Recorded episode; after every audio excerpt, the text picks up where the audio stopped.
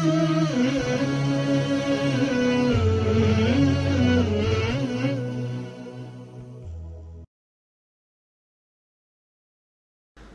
لله الحمد لله ثم الحمد لله الحمد لله نحمده ونستعين به ونستهديه ونسترشده. ونعوذ بالله من شرور أنفسنا وسيئات أعمالنا. من يهد الله فهو المهتد ومن يضلل فلن تجد له وليا مرشدا. وأشهد أن لا إله إلا الله وحده لا شريك له وأشهد أن سيدنا محمدا عبده ورسوله خير نبي اجتباه وهدى ورحمة للعالمين أرسله. أرسله ربنا بالهدى ودين الحق ليظهره على الدين كله. ولو كره الكافرون ولو كره المشركون ولو كره من كره اللهم صل على سيدنا محمد وعلى آله وصحبه وسلم. أما بعد فيا عباد الله أوصيكم ونفسي بتقوى الله تعالى. فإن الواحد فينا إذا كان بين يدي ربه غدا يوم القيامة سيسأله عن أربعة. سيسأله عن ترك الحرام وسيسأله عن إتقان الفرائض ويسأله ماذا أدى من النوافل ويسأله ماذا فعل في هذا الدين الذي أنزله الله إليه. هذه الأربعة هي تقوى الله تعالى. فإذا كان الجواب صحيحا فالرجل من أهل اليمين. اللهم اجعلنا مع أهل اليمين. ترك الحرام وإتقان الفرائض وأداء ما استطعت من النوافل والأمر بالمعروف والنهي عن المنكر عليها مدار خطب الجمعة جميعا التي سمعت والتي ستسمع. ورمضان شرع لأجل أن نتدرب على التقوى. كتب عليكم الصيام كما كتب على الذين من قبلكم لعلكم تتقون. لما قال الله تعالى لنا في رمضان اتركوا الماء والشراب في نهار رمضان تركناه. فمن الممكن أن يترك الواحد فينا الحرام بلا ريب. ولو وسوس له الشيطان وقال هذا أمر لا يمكن. مئة بالمئة أنت تستطيع أن تترك الحرام. قال رسول الله صلى الله عليه وسلم اتق المحارم تكن أعبد الناس.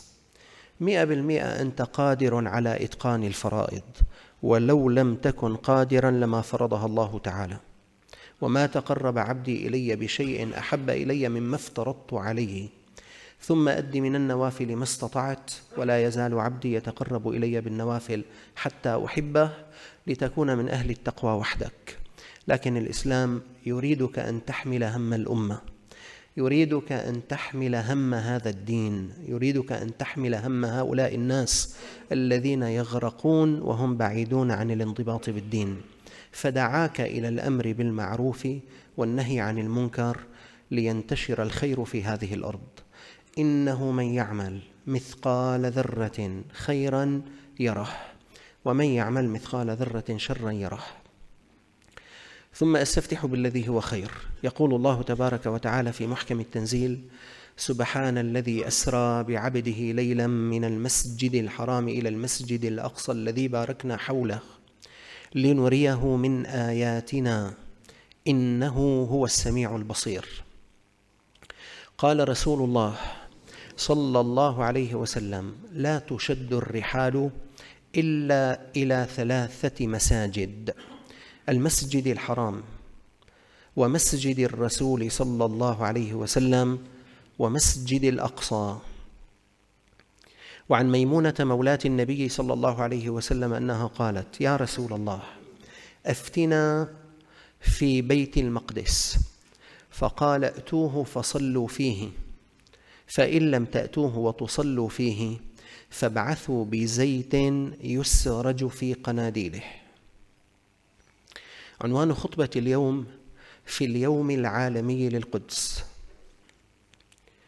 أيها الإخوة اعتمدت الجمعة الأخيرة من رمضان من كل عام يوما عالميا للقدس. نذكر فيها العالم بأن فلسطين أرضنا وأن القدس قدسنا وبأن المسجد الأقصى مسجدنا. نقرأ في سورة الأنبياء قول الله تعالى قلنا يا نار كوني بردا وسلاما على إبراهيم. وأرادوا به كيدا فجعلناهم الأخسرين ونجيناه ولوطا إلى الأرض التي باركنا فيها للعالمين. قال ابن عباس رضي الله تعالى عنهما الأرض المباركة أرض الشام ومنها فلسطين. وقيل إنها مباركة لكثرة خصبها وثمارها وأنهارها ولأنها معادن الأنبياء. وقيل الأرض المباركة بيت المقدس لأن منها بعث الله تعالى أكثر الأنبياء. وهي أيضا كثيرة الخصب والنمو عذبة الماء. نقرأ في سورة المائدة قوله تعالى يصف فلسطين أرضا مباركة ومقدسة. يا قوم ادخلوا الأرض المقدسة. قال الإمام الزمخشري يعني بيت المقدس وقيل فلسطين ودمشق وبعض الأردن. قال الإمام القرطبي المقدسة معناها المطهرة والمباركة والبركة التطهير طهرها الله تعالى من الجوع ومن القحوط ومن نحوه وهي بلاد الشام ومنها فلسطين. فلسطين أرضنا والقدس قدسنا والمسجد الأقصى مسجدنا هي أرض الأنبياء ومبعثهم. على أرضها عاش سيدنا إبراهيم وإسماعيل وإسحاق ويعقوب ولوط وداود وسليمان وصالح وزكريا ويحيى وعيسى عليهم السلام وعلى نبينا أفضل الصلاة والسلام. وزارها سيدنا محمد صلى الله عليه وسلم ليلة الإسراء. ومنها عرج به إلى السماء فكانت فلسطين بوابة الأرض إلى السماء. فلسطين أرضنا والقدس قدسنا والمسجد مسجدنا هي مدينة أبي الأنبياء الخليل ومنزل نبي الله صالح في الرملة. ومراح سيدنا يعقوب في طول كرم ومقام سيدنا موسى في أريحة ومولد سيدنا عيسى في بيت لحم ومسكنه في الناصرة. وهي مجتمع الأنبياء في القدس ليؤمهم رسول الله صلى الله عليه وسلم في المسجد الأقصى. فلسطين أرضنا والقدس قدسنا والمسجد مسجدنا. فهي أرض تباركت بأنفاس الصحابة وبأعمال الصحابة وباستقرارهم ومرورهم. منهم عمر بن الخطاب رضي الله تعالى عنه وعمرو بن العاص وأبو عبيدة بن الجراح وخالد بن الوليد وعبادة بن الصامت وشرحبيل بن حسنة ومعاوية بن أبي سفيان وشداد بن أوس وأسامة بن زيد وواثل بن الأسقع ودحية الكلبي وأوس بن الصامت وأبو الذر الغفاري رضي الله تعالى عنهم أجمعين ومئات ومئات غيرهم مروا بها أو سكنوا فيها أو دفنوا هناك. فلسطين أرضنا والقدس قدسنا والمسجد مسجدنا فهي بلد رجاء بن حيوة المولود في بيسان والإمام الشافعي المولود في غزة وهي مزار مالك بن دينار والأوزاعي وسفيان الثوري وابن شهاب الزهري وإبراهيم بن أدهم والليث بن سعد وأبو بكر الجرجاني وابن قدام المقدسي والإمام الغزالي وفاتح الأندلس القائد موسى بن نصير. فلسطين أرضنا والقدس قدسنا والمسجد مسجدنا. فهي أرض المسجد الأقصى والحرم الإبراهيمي ومسجد قبة الصخرة والجامع الكبير في نابلس والمسجد العمري في غزة والجامع الأبيض في الرملة وكنيستي القيامة ومريم المجدلية في القدس وكنيسة البشارة في الناصرة. فلسطين أرضنا والقدس قدسنا والمسجد مسجدنا فهي أرض معركة اليرموك وحطين وعين جالوت وأجنادين وبيسان. فلسطين أرضنا والقدس قدسنا والمسجد مسجدنا ففيها قبلتنا الأولى وحرمنا الثالث ومسرى رسولنا صلى الله عليه وسلم ومنها عرج به إلى السماء وفيها صلى إماما بالأنبياء. فلسطين أرضنا والقدس قدسنا والمسجد مسجدنا ففي مسجدها درس القراء والحفاظ والفقهاء والمتكلمون وفي أكنافها يرابط اليوم ومنذ سيدنا إبراهيم يرابط المجاهدون الصادقون وإلى يوم القيامة. فعن أبي أمامة رضي الله تعالى عنه قال قال رسول الله صلى الله عليه وسلم لا تزال طائفة من أمتي على الحق ظاهرين لعدوهم قاهرين. لا يضرهم من خالفهم إلا ما أصابهم من لاواء حتى يأتيهم أمر الله وهم كذلك. قالوا يا رسول الله وأين هم؟ قال ببيت المقدس واكناف بيت المقدس. في رواية أبي يعلى قال النبي صلى الله عليه وسلم لا تزال عصابة من أمتي يعني جماعة يقاتلون على أبواب دمشق وما حوله. وعلى أبواب بيت المقدس وما حوله. لا يضرهم خذلان من خذلهم. ظاهرين على الحق إلى أن تقوم الساعة. فأنتم أيها المرابطون المقدسيون المنافحون عن المسجد الأقصى. أشراف هذه الأمة وأطهارها برجالكم ونسائكم وأطفالكم وشبابكم وشيوخكم تعتكفون فيه وتذودون عنه وتنصرونه.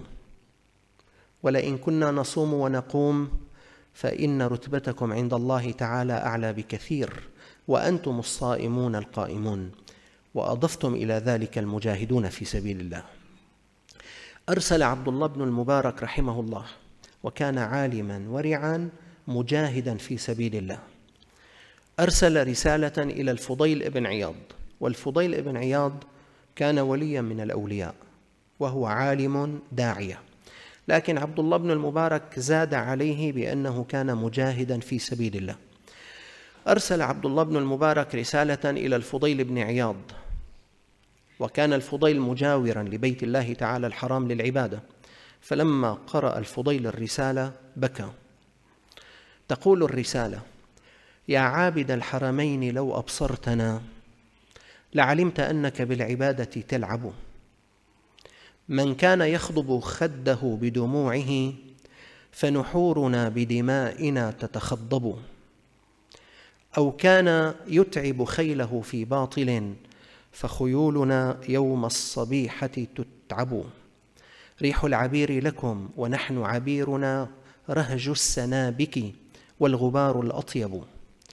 ولقد أتانا من مقال نبينا قول صحيح صادق لا يكذب لا يستوي وغبار خيل الله في أنف امرئ ودخان نار تلهب. هذا كتاب الله ينطق بيننا ليس الشهيد بميت لا يكذب. فلما قرأها الفضيل بن عياض جعل يبكي. فلسطين أرضنا والقدس قدسنا والمسجد مسجدنا. هي أرض المحشر والمنشر. فعن ميمونة مولاه النبي صلى الله عليه وسلم قالت قلت يا رسول الله أفتنا في بيت المقدس قال أرض المحشر والمنشر. فلسطين أرضنا والقدس قدسنا والمسجد مسجدنا. فالقدس قسيمة مكة والمدينة والمسجد الأقصى صنو المسجد الحرام والمسجد النبوي الشريف. تهديد الأولى تهديد للثانية والثالثة. إيذاء الأول إيذاء للثاني والثالث. خطب بن غوريون يوما في الجيش اليهودي عندما دنسوا القدس المطهر فقال لقد استولينا على القدس ونحن في طريقنا إلى يثرب. إن أصيب القدس أصيبت المدينة. وإن تألم القدس تألمت مكة. أيها الإخوة لا خلاف بين الفقهاء على أن تحرير الأرض المغتصبة فرض على المسلمين. لم يخالف في ذلك فقيه ويبذل في ذلك كل وسيلة شرعية ممكنة. وعلى رأس هذه الوسائل الجهاد في سبيل الله ولا ينظر في ذلك إلى فقد الأرواح والأموال. فإن فقد البلاد المحتلة تفريط في الدين وفي سبيل حفظ الدين يضحى بكل غال ونفيس. قال العلماء الجهاد ماض إلى يوم القيامة. وإن تركه الكل أثموا. فإن غلب العدو على بلد من بلاد الإسلام أو ناحية من نواحيها فالجهاد فرض عين على أبناء هذه المحلة إن كان يكفيهم فإن لم يكتفوا بأنفسهم فهو فرض على من حولهم فإن لم يكتفوا على من حولهم حتى يشمل العالم الإسلامي كله. وهذا الكيان الصهيوني الغاشم ومن وراءه لا تخرجه من بطشه وظلمه إلا القوة كسائر الجيوش المحتلة. ومعنا بشارة من سيدنا محمد صلى الله عليه وسلم أخرجها الإمام مسلم في صحيحه. قال رسول الله صلى الله عليه وسلم لا تقوم الساعة حتى يقاتل المسلمون اليهود. فيقتلهم المسلمون حتى يختبئ اليهودي من وراء الحجر والشجر. فيقول الحجر أو الشجر يا مسلم يا عبد الله هذا يهودي خلفي فتعال فاقتله. إلا الغرقد فإنه من شجر اليهود. فلسطين أرضنا والقدس قدسنا والمسجد مسجدنا والذود عنها وحماية أهلها ومسجدها وزيتونها ومياهها وسمائها وأرضها واجب جميع المسلمين. وإن عاث المفسدون فيها حينا فإن للباطل صولة وللحق دولة وإن نصر الله لآت المسجد الأقصى له عادة سارت لدى الناس مثلا سائرة إذا صار للكفر مستوطنا أن يرسل الله له ناصرة المسجد الأقصى له عادة سارت لدى الناس مثلا سائرة. إذا صار للكفر مستوطنا أن يرسل الله له ناصرا اللهم طهر فلسطين من العدو الغاصبين. واجعل لنا في ذلك سهما أجمعين. وأعنا على نصرة الحق والدين. وردنا إلى دينك وعزك ردا جميلا. أقول قولي هذا وأستغفر الله العظيم لي ولكم. فيا فوز المستغفرين استغفر الله.